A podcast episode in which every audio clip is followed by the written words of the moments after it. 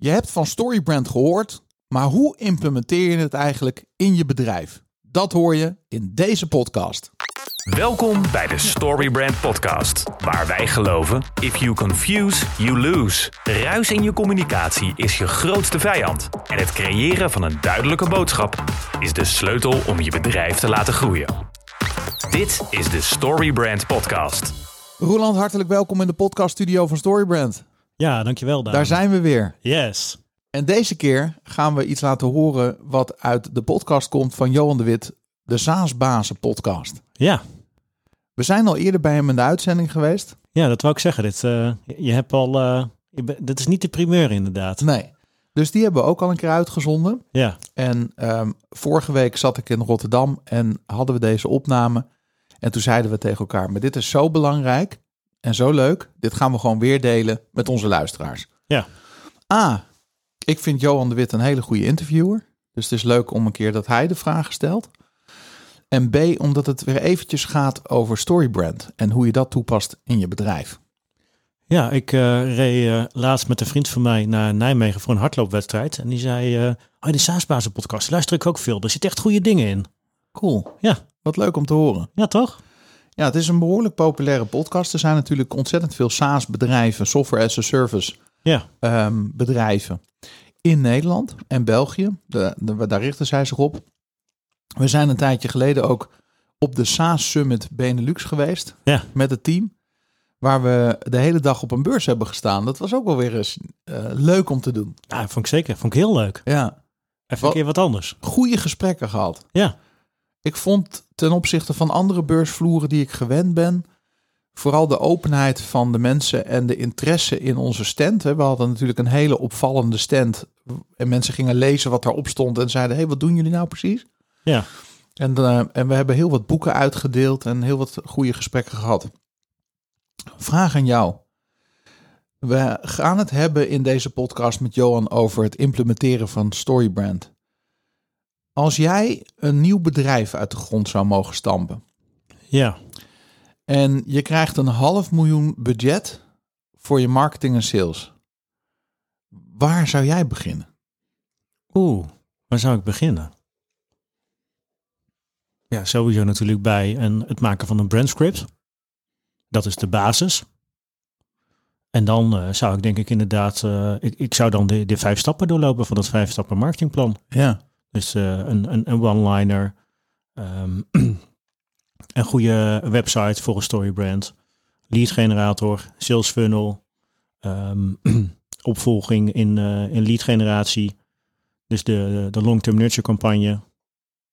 En misschien ook wel gewoon eh, een, goede, een goede sales letter om te testen van oké, welke woorden zijn er nou precies nodig om dit goed te verkopen? Oh, die is ook lekker, ja.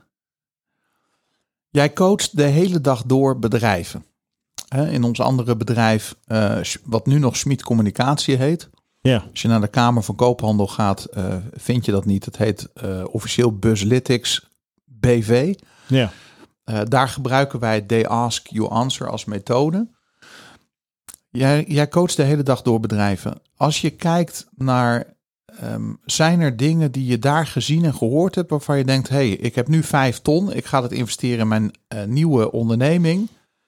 Eh, dit zou ik daar ook in meenemen als het gaat om storybrand. Want je ziet natuurlijk en je beoordeelt heel veel content ook. En websites. Ja, nou, ehm, als je bijvoorbeeld kijkt naar een blog, dan zou de vorm van een blog zou natuurlijk een, een, een verhaal kunnen zijn. Maar dat, wat mij betreft, is dat, is dat niet vereist. Je hoeft niet altijd een verhaal te verzinnen of te, te, te maken. Dat Nee. wordt alleen maar irritant, denk ik. Het, het is wel een hele leuke vorm om af en toe te gebruiken. Vooral ook als je eh, het stuk video gaat meenemen. Ja. D- daar zie ik het wel. En ja, u, überhaupt is natuurlijk uiteindelijk is Storybrand een, een heldere boodschap vertellen en zorgen dat je prospect zo min mogelijk calorieën hoeft te verbranden. En eh, dat is wat mij betreft een beetje eh, ehm, ja, de, de, de- het, het, het peper en zout wat je altijd aan je gerecht toe moet voegen om hem op smaak te brengen. Ja. Ja. Dus dat, dat is wat mij betreft iets waar je altijd naar wil, moet kijken. Ja, eens. Ja, die vijf stappen, daar zou ik ook absoluut beginnen. En wat jij zegt ook, Brandscript, in de voorbereiding van deze podcast zei je nog, Ja, begin bij die, ehm, bij die klant. Wat wil die precies? Ja. ja, wie is je klant of je prospect en wat wil die inderdaad? Ja.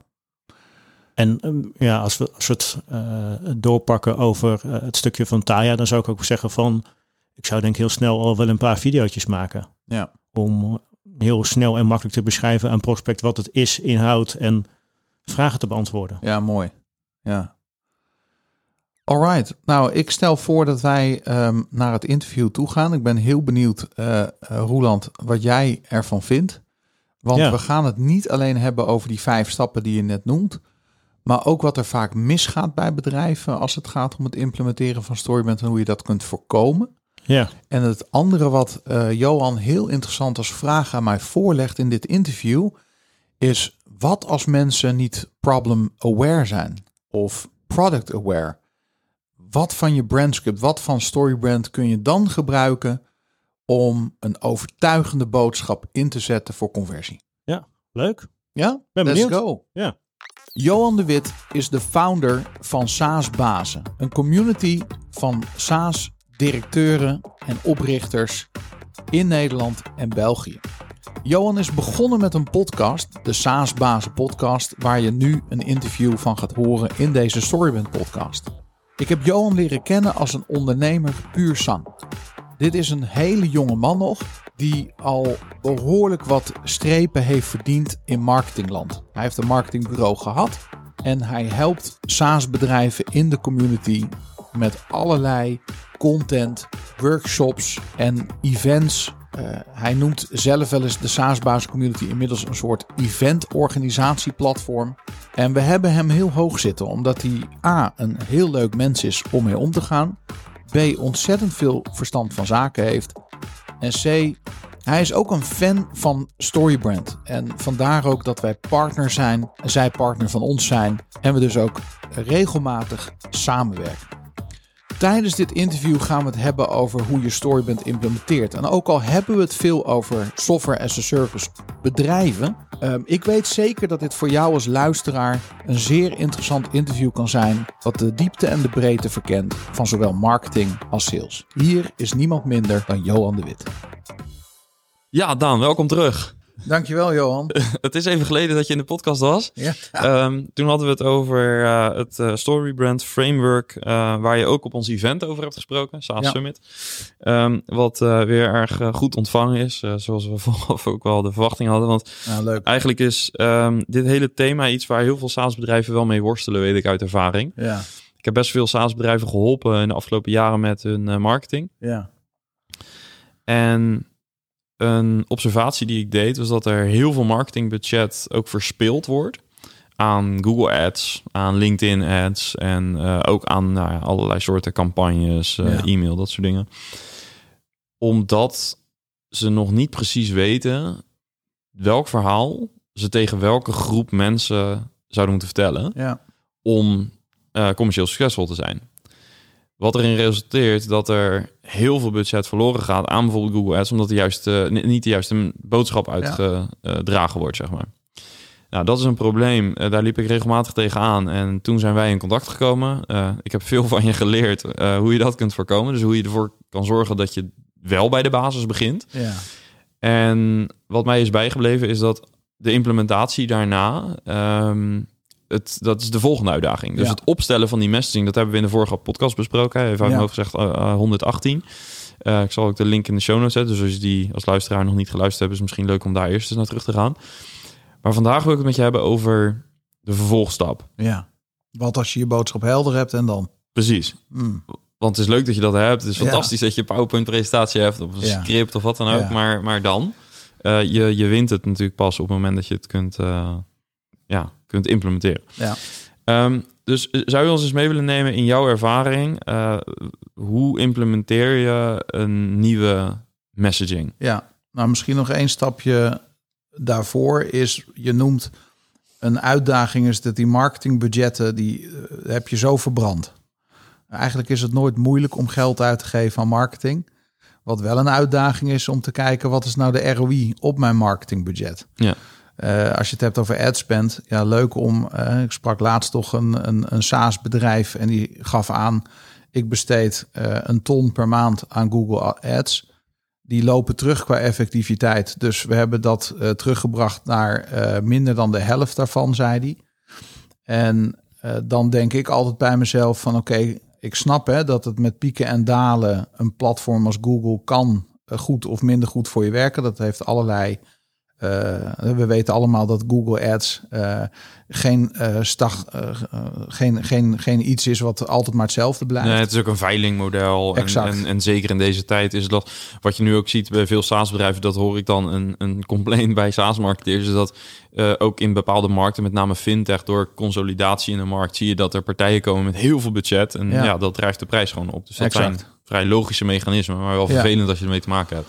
Alleen wat er vaak ver- vergeten wordt, is dat, ehm, en dat, dat eh, heb je zelf ook eh, ervaren, dat als je dan je boodschap, het narratief aan gaat passen, dan blijkt dat dezelfde Google Ad campagne waar je in principe niets aan veranderd hebt, eh, vele malen effectiever te werken. Dus de, de uitdaging, de crux zit eigenlijk, ehm, ja, wat levert marketing nou op? Als, als je een gemiddelde accountant vraagt, waar staat de marketing op de balans, dan is het aan de kostenkant. En als je kijkt naar sales, wordt het vaak als een investering gezien. Ja, we doen een investering. Waarom? Omdat eh, als je salesmensen gaat inhuren, weet je op een gegeven moment of dat eh, iets eh, gaat opleveren. Hè, die dure man of vrouw in een dure auto met bonussen en alles erop en eraan. Na een jaar weet je, gaat hij voor mij handel binnenhalen. Maar bij marketing kunnen we het heel moeilijk aantonen. En dat is eigenlijk al iets waarvan ik vind dat het niet klopt. Ehm, en voor ons geldt dat wij kijken naar marketing, wat je ook doet. Hè, of het nou marketingcampagnes zijn. Eh, heel veel start-ups en scale-ups ehm, geven echt grote bedragen uit aan branding. Geven grote bedragen uit aan dure websites, aan gelikte video's. Maar het fundament wat jij zegt van welke boodschap moeten we nou eh, laten landen. Het is zonde als je een paar ton achteruit geboerd bent, terwijl dat niet nodig was geweest als je gewoon je narratief op orde had. Ja. Ehm, dus dat is inderdaad die andere podcastaflevering die we hebben gemaakt. Als je het hebt over de implementatie, zou ik zeggen: begin altijd klein en bij de basis. En het mooie van narratieve marketing, de storybrand, is dat je meteen meetbaar kan maken wat het effect is van de inspanningen die je doet. Ja, dus eh, bijvoorbeeld met eh, het aanpassen van je ads. Ja, Ja. ja. want doe dan maar een A-B-split test. Eh, zeker als jij marketing manager bent bij een SaaS-bedrijf en eh, het leiderschap is nog niet zo overtuigd van het feit dat de boodschap die je hebt gemaakt op basis van Storybrand eh the way to go is. Dan kun je natuurlijk heel simpel zeggen, hé, maar ik ga gewoon een tweede landingspagina maken. Waar ik helemaal vanuit de filosofie van story ga werken. En zet daar maar gewoon eh, budget op. Ehm, ik durf wel eh, eh, echt te beweren dat, ehm, dat je een, een significante toename gaat zien in je conversies. Ja, ja, en wat je nu zegt is belangrijk, denk ik. Met name ook ehm, die landing page. Want wat Ja. ik ook veel gezien heb, is dat eh, marketeers experimenteren met bijvoorbeeld Google Ads. Laten we het even als voorbeeld nemen. Ja, waarbij er een, dus met precies dezelfde campagne-instellingen een campagne gekopieerd wordt. En vervolgens met diezelfde instellingen alleen de messaging aanpast. Dan zie je misschien een iets hogere CTR. Ja. Eh, dat als, als je geluk hebt, of als je het goed hebt gedaan. ja, Ehm, maar als je dat naar dezelfde landingpagina stuurt, ja, dan weet je uiteindelijk nog niet zoveel. Want dan Nee. is er een, mogelijk een enorme disconnect tussen je ad Ja. copy en Ja. de copy op je landingpage. Dus belangrijk om die funnel door te trekken. Want dat, dat brengt me ook nog terug naar je eerdere punt. Eh, marketing van oudsher eh, zijn we misschien nog iets te veel geframed op MQL's genereren, dus Ja. leads genereren. ja, Maar gelukkig hebben heel veel SaaS-bedrijven natuurlijk gezien, het gaat uiteindelijk om revenue. ja, Kun, wat, wat, wat is de meetbare revenue die je als marketing hebt gegenereerd? ja. En als je dat plaatje doortrekt, kun je niet alleen je ad copy aanpassen, maar moet je het experiment uitbreiden Ja. naar de rest. Nou, sterker nog, ik ehm, eh, daag de bedrijven met wie wij werken, en daar zitten ook heel veel SaaS-bedrijven tussen, altijd uit van, joh, je mag van mij je Google-advertentie exact hetzelfde laten. Je mag de doelgroep, dus kom alsjeblieft even niet aan je campagne, maar laten we die mensen landen op een pagina waar die boodschap klopt. Ja. Eh, want dat is gewoon een bewezen effectieve methodiek. ehm, waar we eh, niet tegenop kunnen. Dat, dat, daar, daar win je gewoon niet van. Met, eh, het, is gewoon, het zijn regels. Dat vind ik het fijne van narratieve marketing. Dat je het hebt over het narratief, het verhaal. Ehm, en dat, eh, daar gaan, gaat, gaat een menselijk brein gewoon op aan. Jouw bezoeker wil niet meteen een product voor zijn snuffert krijgen. Die wil eerst eventjes weten, ehm, wie ben jij uh, en, en wat doe je precies en welk probleem los jij nou precies op? Ja. En, en als je dat doet, dan ga je daar. En daarna kun je wel je Google advertentie aanpassen. Daarna kun je ook zeggen: hé, hey, maar dit betekent ook iets voor mijn doelgroep. Um, dus, dus daar zou ik uh, willen uitdagen. Begin eerst eens met iets kleins. Ja. Als wij een volledige storybrand implementatie uh, doen. Hè, dus als je dat narratief wil doortrekken. Je hebt een brandscript gemaakt, zoals wij dat noemen. Een script van jouw merk. Dan zijn het voor ons heel simpel vijf stappen om mee te beginnen. En de meeste bedrijven hebben dat al niet op orde. Ik verbaas mij er echt over dat wij met z'n allen ontzettend veel kennis kunnen verzamelen. En dan komen we terug in ons bedrijf en dan nemen we genoegen met het feit dat we het toch niet op orde hebben. Ja, nee, dat, is nog, dat staat nog op de planning. Hm. Terwijl ik dan denk van ja, maak je nou eens een keer een paar avonden kwaad met een paar pizza-sessies en ram die uh, implementatie erin. Want dan heb je daar meteen de vruchten van. Nou, het zijn Misschien kunnen we die vijf stappen even doorlopen. En dat we daarnaast kijken van oké, en als je dat op orde hebt, wat is dan de advanced implementatie? Ja. Want uiteindelijk gaat het niet om wat we weten. En ook niet omdat je ergens een brandscript hebt liggen. Maar de implementatie maakt echt het verschil. Ja. Um, die eerste stap is de one-liner. Dus, dus als je dat brandscript hebt, dan willen wij eigenlijk um, in één zin of in één alinea duidelijk hebben probleemoplossing resultaat. Het is de kortste versie van een brandscript. Je kan hem onder in je e-mailhandtekening zetten. Je kan hem uh, op de voorpagina van een presentatie zetten die je gaat houden. Je kan hem uh, op de muur zetten in je pand. Je kan zorgen dat je salesmensen allemaal weten als er gevraagd wordt wat doen jullie, dat ze daarmee beginnen. Want we beginnen altijd, um, ja, waar beginnen we mee? We beginnen vaak met hoe lang we bestaan en met hoeveel klanten we hebben en voor wie we werken. Maar begin nou eens met het probleem. Dus voorbeeld, bij Storyband zeggen wij... Uh, de meeste bedrijven verspillen heel veel geld aan marketing. Probleem. Uh, wij hebben een framework, oplossing... waarmee je makkelijker uh, meer ROI kunt halen uit die geïnvesteerde euro in je marketing. Dat zou een voorbeeld kunnen zijn van wat ik zou kunnen zeggen. Ja. Als iemand aan me vraagt, wat doet Storyband precies? Ja, en wat ik, wat ik hier mooi aan vind, ik heb in het verleden um, heb ik heel vaak de fout gemaakt om te creatief te zijn met Hmm. uh, of een one-liner of überhaupt met je main messaging.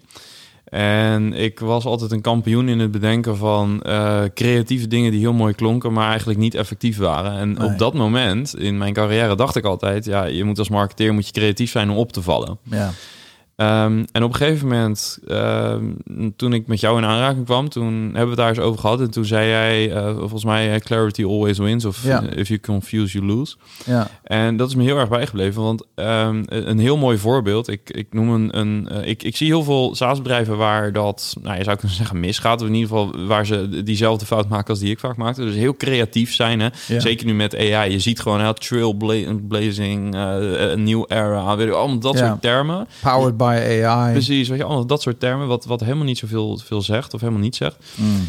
Een SaaS-bedrijf die dat super uh, effectief en super goed doet in mijn ogen is Picker. Um, zij hebben magazijnsoftware voor webwinkels. En jij mag raden wat hun tagline is op de website, op hun homepage.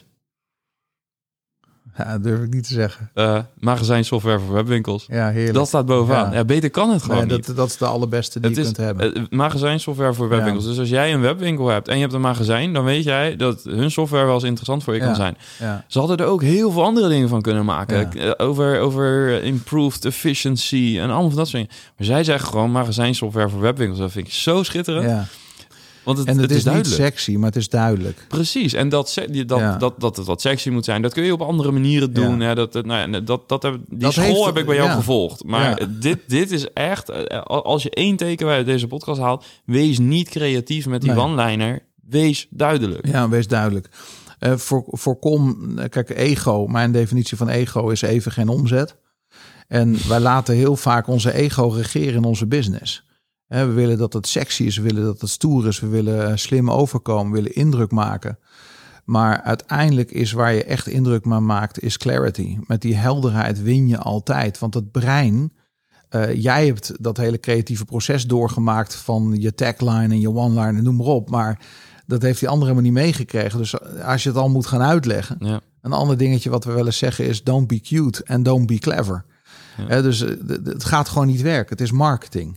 Branding is voor mij het gevoel wat je geeft rondom een merk. Ja. En marketing is een heldere boodschap communiceren en dat zo gestructureerd doen, daar zo ijzergoed in worden, Ja. dat je gewoon altijd indruk maakt. ja. Ik ga even kijken of dit werkt. Je zou nu een applaus moeten horen. Kijk. we hebben geen koptelefoons Nee, op. dus we maar weten het niet. Hopelijk werkt het. nee, maar ik denk inderdaad dat... ehm, ja, ik heb daar zelf eh, superveel budget op verspeeld. En ook Ja. gezien eh, bij mijn vorige bedrijven. En, en, en ook eh, gezien dat bij andere bedrijven... dat hier echt inderdaad... Wees niet creatief, wees duidelijk. Creativiteit komt wel. Eh, maak je daar niet veel zorgen over. Ja. Jouw prospect is echt niet geïnteresseerd... of jij heel catchy kunt zijn met, met slimme woordgrappen in je marketing. Je wil gewoon Nee. snappen... oké, is dit bedrijf... eh, het lost deze software mijn problemen op? En daar wil ik zo snel mogelijk weer door met... eh, Ja, en tegenwoordig zeg ik ook wel, je wil dat ze fall in love of fall out. Dus hoe eerder in de sales funnel jouw lead besluit dat jij het niet voor ze bent, wees blij. ja, ik bedoel, wat heb je aan een date eh, en nog een date en nog een date, als je eigenlijk bij de eerste date al had kunnen weten, ja. Het, het wordt het niet. ja. Ehm, en, en, dat, en dat fall in love kan ook gebeuren, maar daar heb je gewoon tijd voor nodig. En daarom is die implementatie. Dus one-liner is, is absoluut nummer één. Eh, ik zeg ook wel eens, het is het meest onderschatte marketinginstrument van Nederland. Want ehm, ja, eh, welk bedrijf kan nou in één zin zeggen wat ze doen? Hè? Dus dat duidelijk maken, dan win je heel veel mee. Ja. Ik had ooit een marketingdirecteur van een groot softwarebedrijf in Nederland wat zei... Die had een soort epiphany tijdens de workshop. En die zei van, ik heb 12 man op de verkoopafdeling. Maar vanaf nu heb ik er 130, want iedereen moet die one-liner kennen. Ja, De tweede stap is de website. Je komt toch altijd heel snel op een website. Want een website is al lang niet meer een visitekaartje. Het hoort gewoon echt een onderdeel te zijn van je funnel. Ehm, en daar kun je of geld mee verdienen of je kunt het laten liggen. Nou, ik denk dat de meeste SaaS-bedrijven geld willen verdienen met een website. Ik vind het altijd fascinerend dat er heel veel geld aan besteed wordt aan websites, ook door start-ups. Ik zie bedragen langskomen van hele brandingbureaus en websites. En die mensen die kunnen fantastische dingen. Hou me te goede, ieder zijn vak. En ik zit hier niet om iemand zwart te maken. Maar wat ik dan zonde vind, is dat er dan op zondag gevraagd wordt aan een stagiair. Wij hebben geen verstand van teksten. Wil jij dan die teksten schrijven? En ja, daar gaat die mis. Want die woorden, die heb je echt nodig. Dus de implementatie van de website. Ik zou dan beginnen met de belangrijkste pagina's. Ehm, ehm, als jij bijvoorbeeld een webinar eh, hebt eh, en daar een pagina voor hebt en daar ads op draait. eh, eigenlijk de pagina's waar ads op gedraaid worden, zou ik als eerste gewoon meteen storybrand proof maken. ook je homepage? Ook de homepage. Ehm, kijk, misschien komt heel veel van je verkeer niet eens via de homepage binnen. Maar ehm, vergeet ook niet dat je sollicitanten krijgt, hè, die wel vaak op een homepage gaan kijken. Ehm, ja, hoeveel mensen komen als sollicitant bij een SaaS-bedrijf en moeten eerlijk toegeven dat ze, ja, ik vind jullie wel een hele toffe club, maar ik weet eigenlijk niet precies wat jullie doen. Ja. Dat is toch eigenlijk tenenkrommend. Ja. Dus ik zou mijn homepage ook direct aanpassen. Ja. Ja, daar, daar, daar ehm, ehm, zie je namelijk ook het snelste resultaat. Want als jij advertenties draait of echt heel veel organische bezoekers hebt, ja, dan maakt het echt wel uit of je 30 mensen per week in de funnel krijgt of 300 mensen in de funnel krijgt. Ja. Ehm, je- daar kunnen we natuurlijk ook nog een hele podcast over geven. Wat voor content moet er op die website komen te staan om te zorgen dat je ook echt je SEO goed doet. Ehm, maar dat is mijn tweede stap altijd bij bedrijven. En daar zie ik ook meestal dat er in enkele weken tijd. eh, Ik weet nog dat wij een project met z'n tweeën hebben gedaan. En dat jij echt ehm, eh, aan de telefoon hing of een appje stuurde van joh, dit is niet normaal. Dit is Ja. gewoon keer zes. Overnight keer 6. Overnight alleen, keer alleen zes. de messaging Ja. aangepast. Ja. Ja, en, dat- en, en ook wel de structuur van de homepage natuurlijk. Ja. En, en, en eh, call to actions waren anders. Maar echt overnight met hetzelfde budget zes keer. ja, En, en consequent. Hè? Dus ik belde je inderdaad de dag en dat bleef, dat bleef, ook echt zo, zo. Dus dat, is, eh, eh, dat was eh, echt... ik zie heel vaak dat mensen 5% conversie doen op een Google Ads max. En gewoon daarna een keer eh, zeg maar 10% conversie doen of 15% conversie doen of zelfs meer dan dat. Ja, ja. Eh, Dat, dat, dat, dat tikt wel aan als je een ton per maand uitgeeft aan eh ads. Ja, ja. Nou ja, en, en ehm, ik onderbreek nu in je vijf stappenplan, dus daar, daar pakken we hem zo weer op. Ja, Eh, maar wat denk ik ook belangrijk is om te benadrukken, ehm, je, ehm, als je dit gaat doen, zeker als marketeer, eh, zorg dat je eh, collega's, je founder of als je founder bent, zorg dat je team meeneemt. Zeg maar. Leg ze uit waarom je dit doet. Want veel SaaS-bedrijven, veel teams zijn zo enthousiast over hun product dat het ook ja, bijna vanzelf gaat om Ja. over het product te beginnen en om over het product te praten. En het kan best wel tegenstrijdig voelen om je product eigenlijk. Ja, eh, toen wij die homepage nieuw maakten, toen ging het product ging er bijna helemaal vanaf. Eh, Ja. Het ging alleen maar over: oké, dit is het probleem dat we oplossen. Herken je hierin? Herken je deze vier scenario's?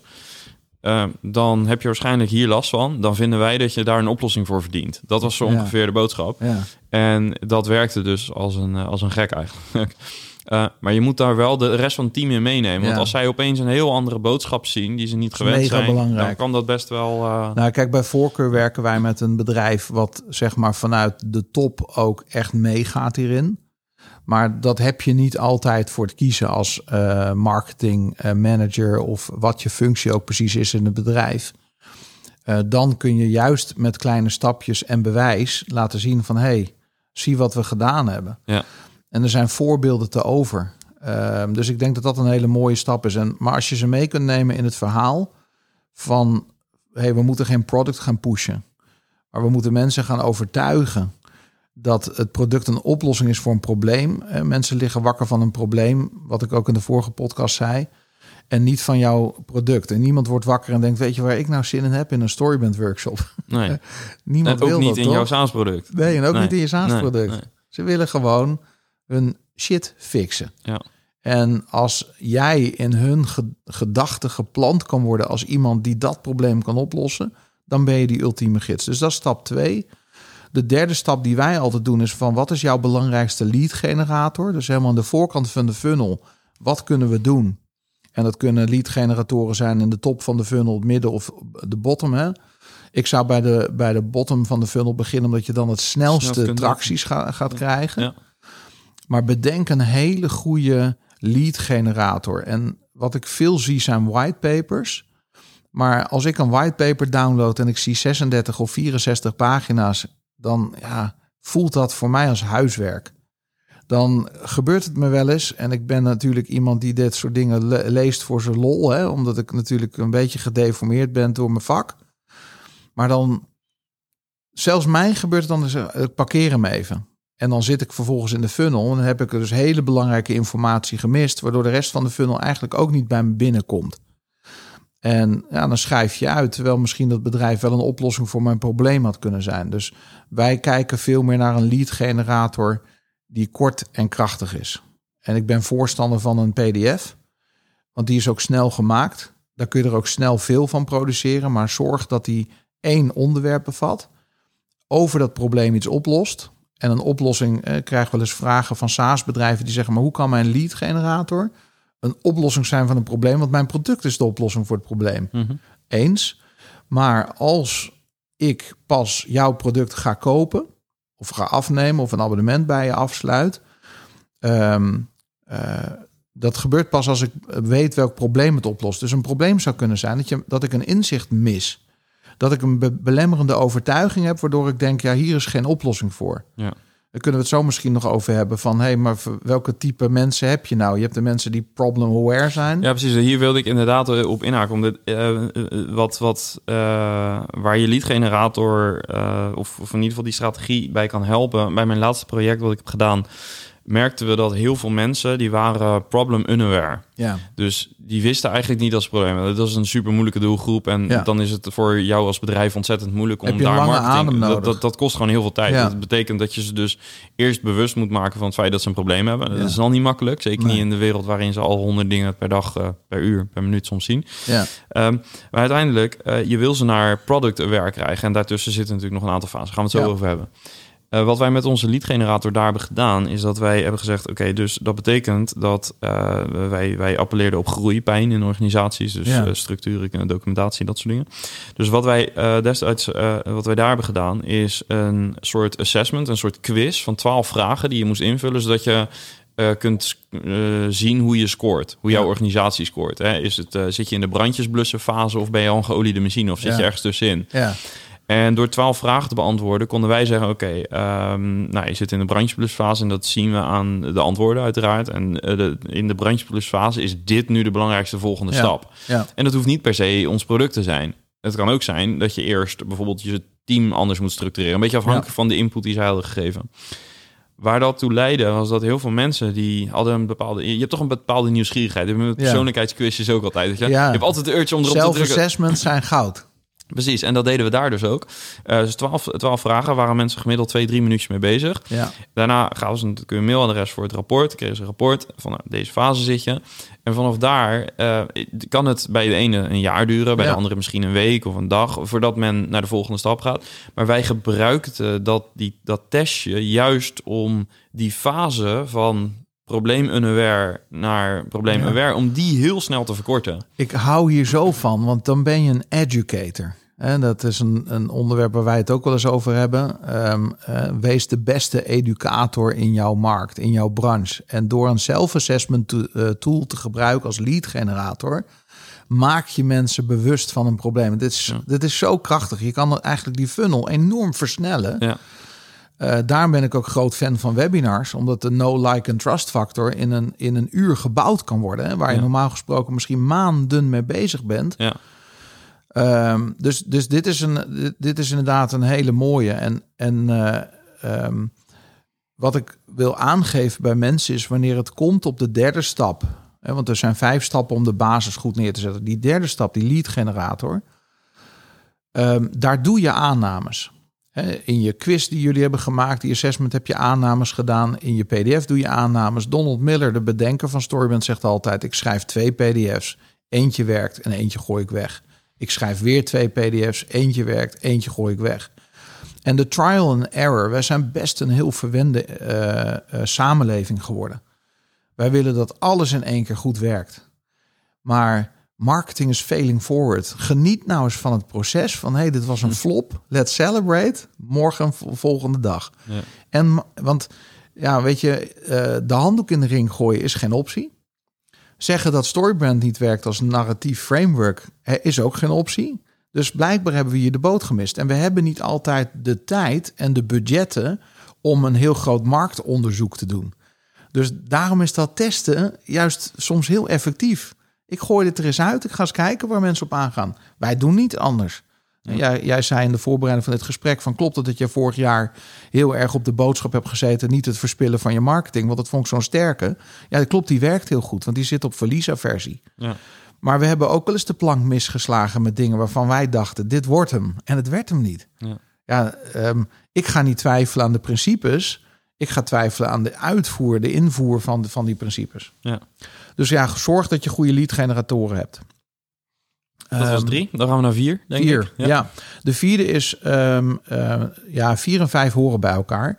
Dat is eigenlijk je e-mailmarketing. Zorgen dat je een sales en een nurture campagne hebt. Ehm, ik zie heel veel bedrijven die hebben HubSpot ooit een keer in een eh, vlaag van verstandsverbijstering aangeschaft als SaaS-bedrijf. En het is nog zo'n beetje zo'n project wat we nog een keertje moeten oppakken. Maar we hebben dan in ieder geval een CRM. Ik, ik zeg dan heb je een hele dure.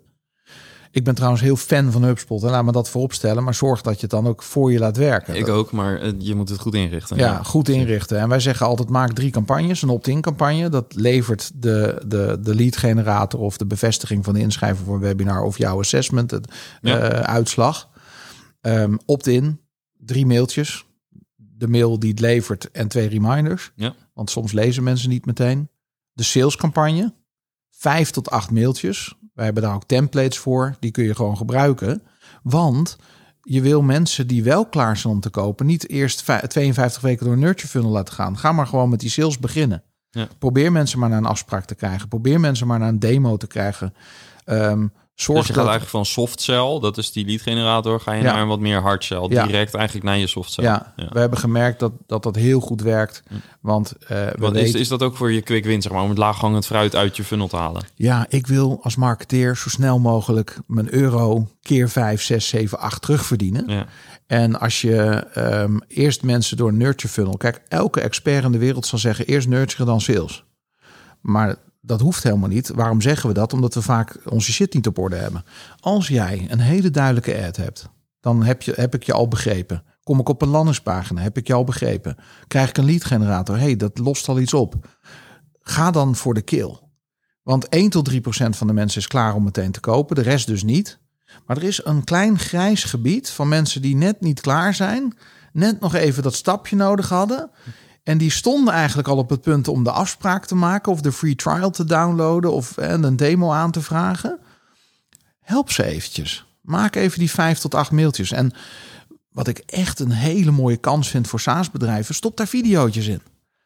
Laat het niet allemaal tekst zijn, maar gebruik eens een plaatje, gebruik eens een statistiekje, een grafiekje Ja. en een videootje. Zeg Ja. even van, hé, wat, wat, wat vinden het tof dat je er bent. Dit is wat we doen. En zo, weet je. Dus, dus ook eh, video's natuurlijk, als je het hebt over filmindustrie, over het script, over het verhaal. Ja, gebruik video erin. Ja. Dan zul je al merken dat je heel snel als marketeer kunt bewijzen aan je bedrijf.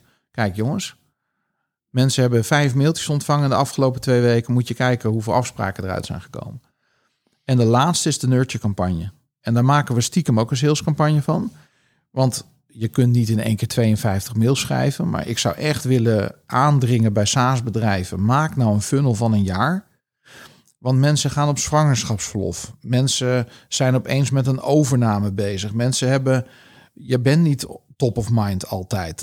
Dat, Ja, en, en heel veel, heel veel zoektocht, heel vaak gaat de zoektocht naar software ook ehm, heel lang eh, op pauze. Of dan Ja. eindigt die in no decision en we gaan het volgend seizoen weer doen. Ja. Hè? Dus als jouw doelgroep bijvoorbeeld seizoenswerk heeft, Klopt. ja, dan heb je misschien maar eh, een paar maanden of weken in het jaar dat zij eh, ervoor openstaan om, Ja. een, om nieuwe software aan te schaffen. Accountancy is daar ook een mooi voorbeeld van. Accountancy heeft bepaalde maanden in het jaar waar ze echt geen nieuwe software gaan aanschaffen. En die willen meestal op 1 januari beginnen. Ja. Eh, dus dan, dat moet je wel begrijpen en daar Ja. moet je wel op inspelen. En, en als je dan alleen op dat moment weer zichtbaar bent en het hele jaar niks van je hebt laten horen, net, ja, we zitten nu op de dag van de verkiezingen. Ja. Je hoort eh, vier jaar lang hoor je weinig, of in ieder geval geen campagnepraat. Ehm, en, Nee. en, en de, weken, de twee weken voor de verkiezingen struikelen ze over elkaar en hebben ze altijd moeite om die laatste stemmers eh, binnen te krijgen. Terwijl, ja, volgens mij al zouden ze wat meer always-on campagne hebben, dan zou je, zou, zou je veel minder moeite moeten doen, Ja. ook als consument of als stemmer in dit geval, om, om eh, een voorkeur voor iemand te ontwikkelen. 100 procent. Ehm, jij hebt een podcast, Johan. Mensen horen jouw stem elke week. Hè, want er is elke week een aflevering. Ja. De impact die dat heeft op alle andere uitingen die je doet, is goud. En dat is ook de reden waarom wij een podcast hebben. Mensen zeggen vaak als ze me voor het eerst ontmoeten... ik heb het idee dat ik je al heel lang ken. Ja, ja, ja. herkenbaar, ja. Dus, dus het is die awareness, Ja. die, eh, die, die is goud. Ja. En, en, en een nurture funnel, dan steek je met kop en schouders boven de concurrentie uit. Want niemand doet dat. Ja, het klinkt, het klinkt bijna te suffe woorden en eh, bijna als een soort Amerikaanse over, eh, eh, overreactie van mij om te zeggen niemand doet dat. Maar ik kom bijna nooit bij SaaS-bedrijven waar ik zeg: heb je een opt-in, een sales en een nurture campagne? Bijna niemand heeft dat huiswerk gedaan. Ja, dus bij deze uitnodiging aan de luisteraar, eh, regel dat. Ja, en if, Ja. eh, if, if it doesn't get scheduled, it doesn't get done, zegt Michael Hyatt altijd. En dan zou ik willen zeggen van joh, je, niemand gaat 52 mails in één keer schrijven, maar schrijf er gewoon vier per maand. Ja, Dan heb je na 12 maanden heb je gewoon een heel jaar aan content. ja. En wat doe je als mensen eruit vallen? Stuur gewoon die mails opnieuw. Ik heb, ik heb echt letterlijk bij klanten voorgesteld, st- stop ze gewoon weer voor in de funnel.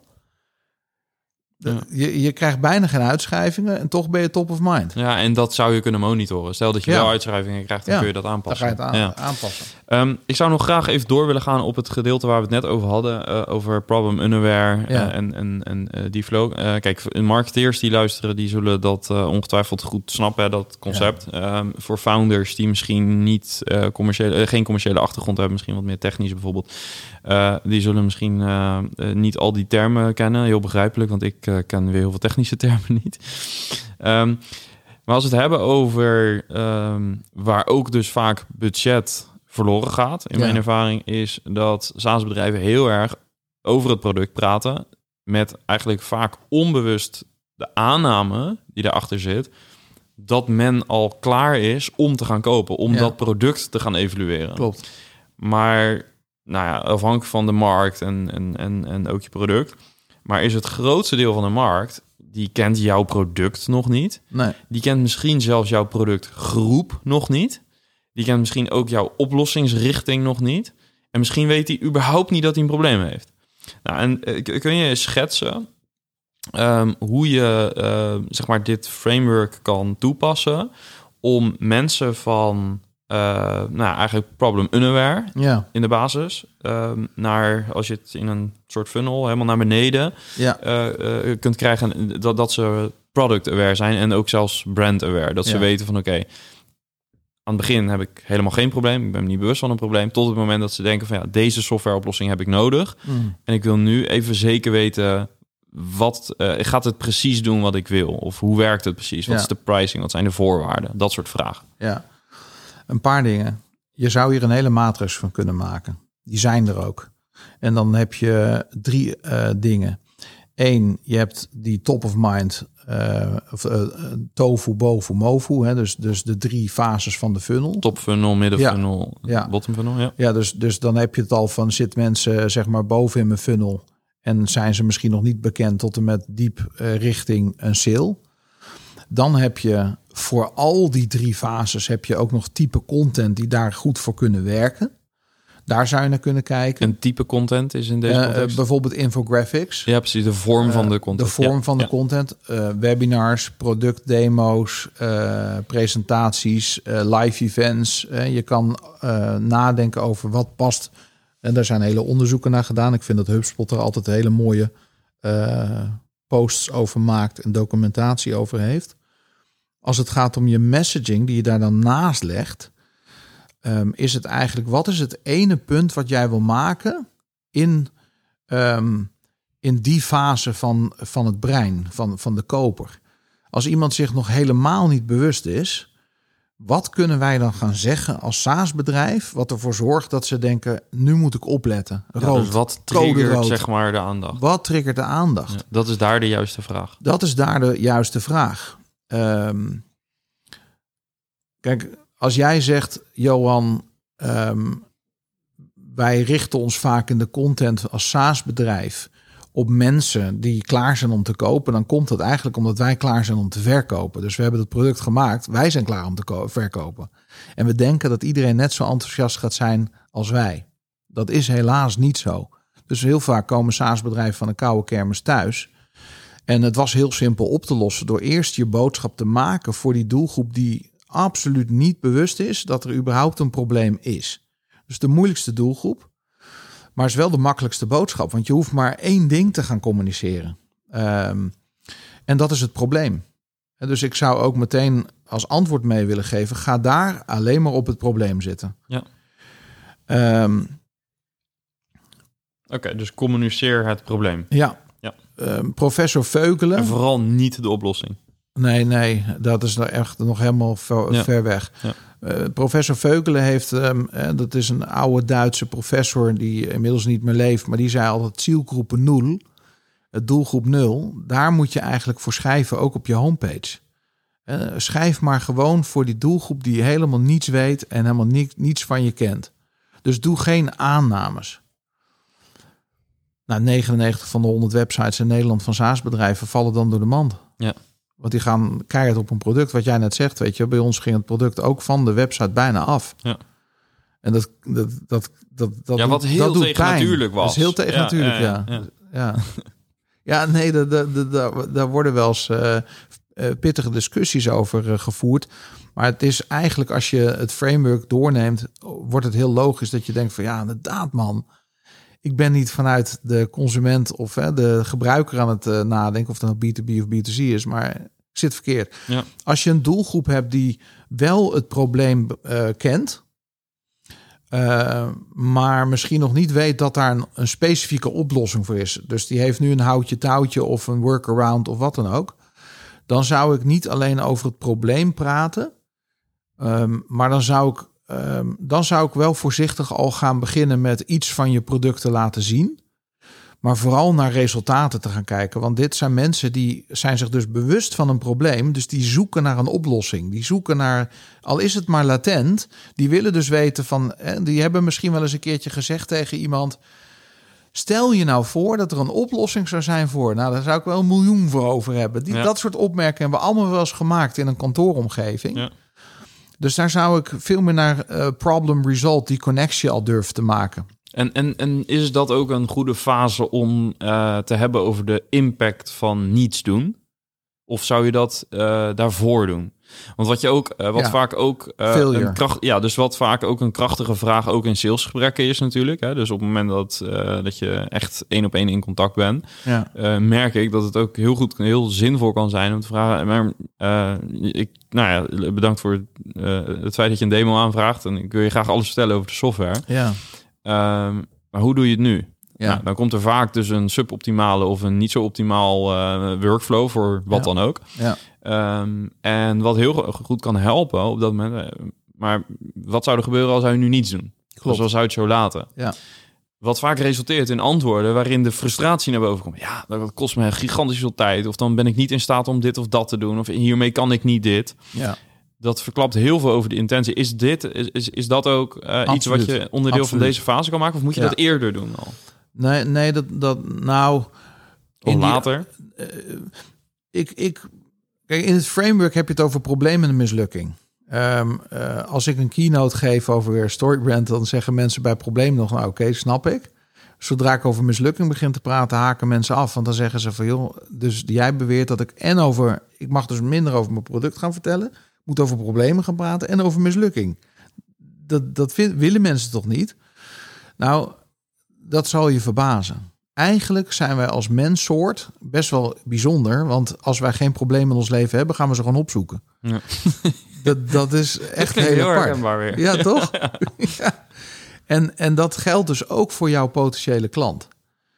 Dus mislukking, ehm, ja, wij noemen dat een beetje het zout in het recept. Als je brood gaat bakken thuis, dan moet er een beetje zout in zitten, anders wordt het een heel flauw brood. Maar te veel zout is ook niet goed. Hè? De don't shoot the messenger krijg je dan. Maar je kunt heel goed in deze fase al iets van mislukking. Maar als iemand zich nog helemaal niet bewust is van een probleem, dan kun je niet praten over Nee. mislukking. Want ja, boeien, ik heb toch geen probleem. Ik ben er niet van bewust. Nee. Precies. Ja. Maar in die fase dat mensen zich bewust beginnen te raken van een probleem, kun je al licht iets zeggen over mislukking. Wij doen dat wel voorzichtig. Want ik praat liever breed uit over mislukking als mensen zich ook bewust zijn van mijn oplossing. Want dan wordt het opeens een keuze: ga je mijn product kopen of niet? Ja. En dan vind ik dat je ook eerlijk moet zijn als gids en zeggen van oké, maar dit kost gewoon bakken met geld in je bedrijf. Wil jij daar verantwoordelijk voor zijn? Dit betekent dat er gewoon uren verspeeld worden op je afdeling. Ja, eh, het kan toch niet zo zijn dat. En dus dan kom je daar meer terecht. Dan gaan we naar solution aware. Dus dan Ja. komt er een moment waarop mensen inderdaad eh, mede dankzij eh, jouw educatie eh, hebben gezegd: Oké, ik heb inderdaad een probleem, ik ben me nu van bewust. Ik snap ook een beetje wat de oplossingsrichting is. Maar dan komt er een moment dat men wel meer wil weten over Ja. van, ja, software implementatie. Al- Dan, dan komen de eerste vragen op. Ja, en het gekke is, daar is de vraag niet wat kan je product, daar is de vraag waarom jij. Hm. Dus de vraag in ons hoofd is eerst autoriteit. Ik wil eerst weten waarom zou ik dat, waarom ben jij de juiste partij voor mij? Die komt voor de software. En dit heeft te maken met het feit dat we altijd als mens eh, gevaar uit de weg willen gaan. Dus als jij ergens eh, komt om een auto te kopen, denk ik gebruik dat even best als voorbeeld, omdat we dat allemaal wel eens mee hebben gemaakt. En we hebben wel eh, honderd tot duizenden type software. Dus ik pak maar even een auto als simpel voorbeeld. Op het moment dat jij denkt, die wil ik, ga je toch kijken, maar is dit de plek? Vertrouw ik deze tent? Eh, koop ik geen eh, foute auto? Dus dan gaat het over vertrouwen. En als je vertrouwen kunt laten landen in de fase dat iemand zich bewust is van jouw oplossing, verkoop je veel meer producten. Dus eigenlijk komt dat productstuk pas helemaal aan het eind. En wij Dat is beginnen nog er weer een fase Dus verder, pas- ja, ja. weer een fase verder. Ja, dus we hebben het over, als we het rijtje nog een keer afgaan, we hebben het over problem unaware, Ja. problem aware, solution aware en dan pas product aware. Ja. Ja. ja. Eerst jezelf positioneren als de, de persoon, het bedrijf wat empathie heeft. Ik begrijp jou. Autoriteiten kan je helpen. Ja. En nu kunnen we het gaan hebben over het product. Storyband wil niet zeggen dat je nooit meer over jezelf mag praten. Het, het is alleen maar in relatie tot mijn leven als potentiële klant. Als je dat linkje steeds legt, kun je heel veel over jezelf praten. Ja, en kun het je- gaat ook over de sequence. Hè? Dus je zou die product page met die features die je uitgelegd hebt, zou je prima kunnen laten staan. Yes. Alleen hij komt verderop. Ja. Dus je zet er iets voor. Hij moet er Om- zijn. Ja. Hij Ja, moet er ja, Precies, zijn. want er komt een moment dat mensen die vraag gaan stellen. Eh. Oké, maar heeft het ook een integratie met eh, Teams? Ja. Weet ik veel. Dat moet je beantwoorden als dat er is. En daar gelden alle regels die we geleerd hebben. Features, koppelen aan benefits, et cetera. Ja. Eh, maar op een gegeven moment wil ik echt wel de, de nullen en de ene weten. Ja.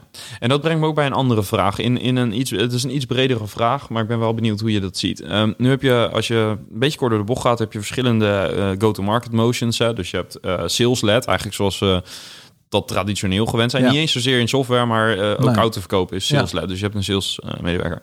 Aan de andere kant van het spectrum heb je nu, eh, wat natuurlijk de afgelopen jaren steeds meer opkomt, is product-led growth. Dus eh, Ja. dat je inderdaad zegt van oké, maar eh, we gaan geen sales team daarmee opzetten. Het product moet eh, het vehikel zijn wat voor customer acquisition zorgt, voor retentie. Dus op eh, een, Ja. een, een Calendly of eh, weet ik veel, dat soort producten zijn een mooi voorbeeld. Ja. Dat koop je niet meer bij een sales rep. Er zit ook niet een heavy marketingapparaat achter. Althans, de budgetten daar zullen alsnog duizelingwekkend zijn voor onze Ja. begrippen. Maar eh, het gaat erom dat dat product moet het werk doen. Er moet viraliteit in zitten, er moet netwerkeffect in zitten... om ervoor te zorgen dat ze meer Ja. eh, klanten kunnen eh, aantrekken op die manier.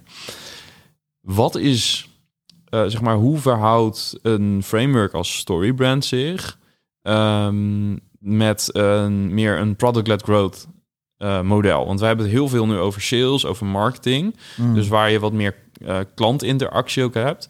Maar wat als ik een heel simpel eh, product heb, wat mensen eigenlijk vanaf met, met 1, 2 klikken zouden kunnen gaan, kunnen gaan gebruiken? Ja. Hoe hou- verhoudt Storybrand zich dan?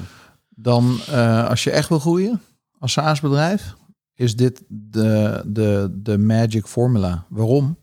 Mensen kopen jouw software waarschijnlijk helemaal niet om de reden die je denkt. En daar gaat die nat.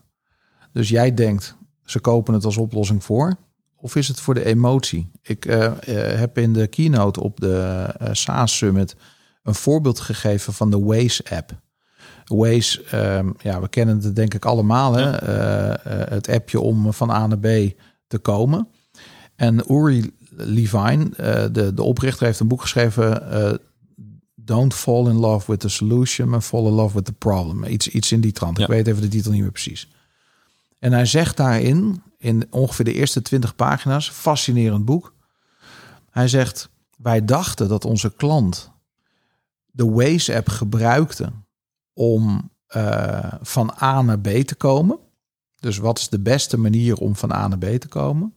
Dus vandaag voor mij vanuit Leusden naar Rotterdam, wat is de beste? Hè? eh, maar eigenlijk boeit het mensen niet of ze nou de A28, A12 moeten pakken. Of dat ze eh, misschien wel eerst naar de A12 moeten rijden en dan. Hè? Dat maakt eigenlijk mij niet uit. Daar ben ik niet mee bezig. Ze willen zonder gezeur van A naar B. Dus ze zijn eigenlijk geïnteresseerd. Ik wil best eh, via Leusden Woudenberg dan de A12 pakken en dus de hele A28 skippen.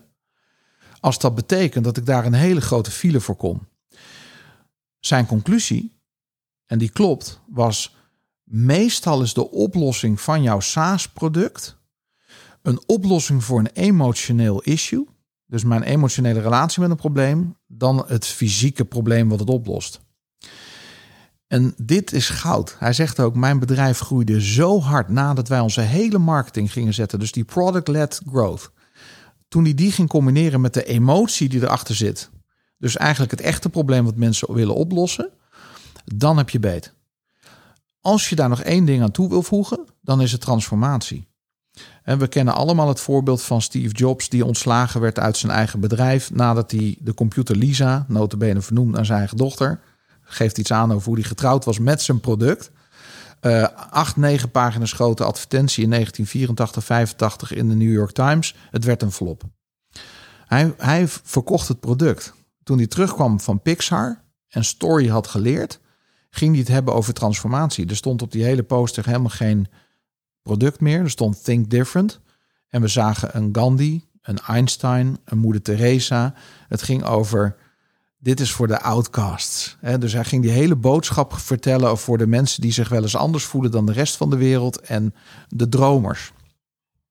Nou, als we als SaaS-bedrijf een gewenste identiteit gaan koppelen aan ons product, en aan een emotie die ik wil oplossen, en meestal is de emotie frustratie over iets, Ja. dan gaat je product-led growth mega hard. Want dan ben je niet meer één van de velen, nu ben je uniek. Want jij helpt mij iemand te worden wie ik wil zijn. En de meesten zeggen nooit in een SaaS-bedrijf, onze klant wordt iets. Nee, we zeggen altijd, onze klant krijgt iets. Hij kan nu dit, want hij heeft onze software. Heel functioneel. Heel functioneel. Maar mensen zijn niet functioneel. We zijn mega emotioneel. Onze ratio komt na de emotie. Wij gaan pas zeg maar aan onszelf verkopen waarom we die auto kochten. Ja. Terug eh, even naar de auto. Maar hij, begon met een emotie. Ja. Nou, dat kun je met je software ook. Ja. Ik wil afsluiten, dit is eh, goud waard. Eh, maar ik wil afsluiten met een, een, een workshop Ja. die wij gaan doen. Ja, Eh, daar kun jij wel iets over vertellen. Nou, wat ik heel gaaf vind, we hebben natuurlijk elkaar gevonden en eh, met elkaar mogen samenwerken op verschillende momenten. En eh, we hebben denk ik allebei een passie voor SaaS-bedrijven helpen om echt te groeien en verder te komen. Ik bedoel, daar kun je ons s'nachts voor wakker maken. Ik lig er snel s'nachts voor wakker. Ja, dat gebeurt ook wel eens, hè? Nou, dan kunnen we elkaar de hand geven, want zo werkt dat natuurlijk. Maar ehm, ja, ik denk de gedeelde passie heeft ervoor gezorgd dat we bedacht hebben van laten we nou gewoon eens een keer een dag plannen. In het begin van het nieuwe jaar 2024, 25 januari. En samen een groep SaaS-bedrijven die zin heeft om hier echt mee aan de slag te gaan. En gewoon stevig te besparen op hun marketingkosten. Ja. En, en daar gewoon echt iets moois van te maken. Ja, ik kijk hier zo naar uit. Ik heb zin in. Maar eh, vooral Ja. ook omdat ik... eh, ik heb dit natuurlijk één op één best wel veel gedaan. En eh, het is inmiddels zo'n twee jaar geleden dat ik laatste workshops heb gegeven. Ehm, omdat ik daarna natuurlijk met eigen start-up aan de slag ging. En nou ja, goed. Gewoon te veel tijd eigenlijk. dat al te veel tijd in beslag nam. Ja, Maar ik kijk zo uit naar het moment dat we inderdaad gewoon weer, met SaaS-bazen kunnen gaan zitten om Ja. dit te gaan doen. En vooral, eh, ja, natuurlijk. Ehm, ik vind het te gek als ik na een paar maanden hoor van eh, de, de, de, marketing slaat beter aan of eh, ja, Mm. weet ik veel, we hebben betere ROI. Dat vind ik fantastisch. Hè? Dat, dat- laat ik dat voorop stellen. Maar wat ik echt gewoon leuk vind, is ehm, dat moment wat ik zelf nu ook een paar keer heb gehad in gesprekken Ja. met jou, ja, dat er kwartjes vallen ehm, van hey, ah, dus daarom werkt ja, het niet. Ja, Of ja. oh, dus zo moeten we dat communiceren. Natuurlijk. Of eh, we moeten dus die angle vinden. En dat moment vind ik zo goud, want ik heb dat, ik heb dat zelf ervaren natuurlijk een aantal keer. Dat ik dacht, oh ja, Ja, jij stond bijna te springen. Ja, maar dat was echt gewoon omdat je je bent je zit zo ehm, ja vast soms in je eigen boodschap.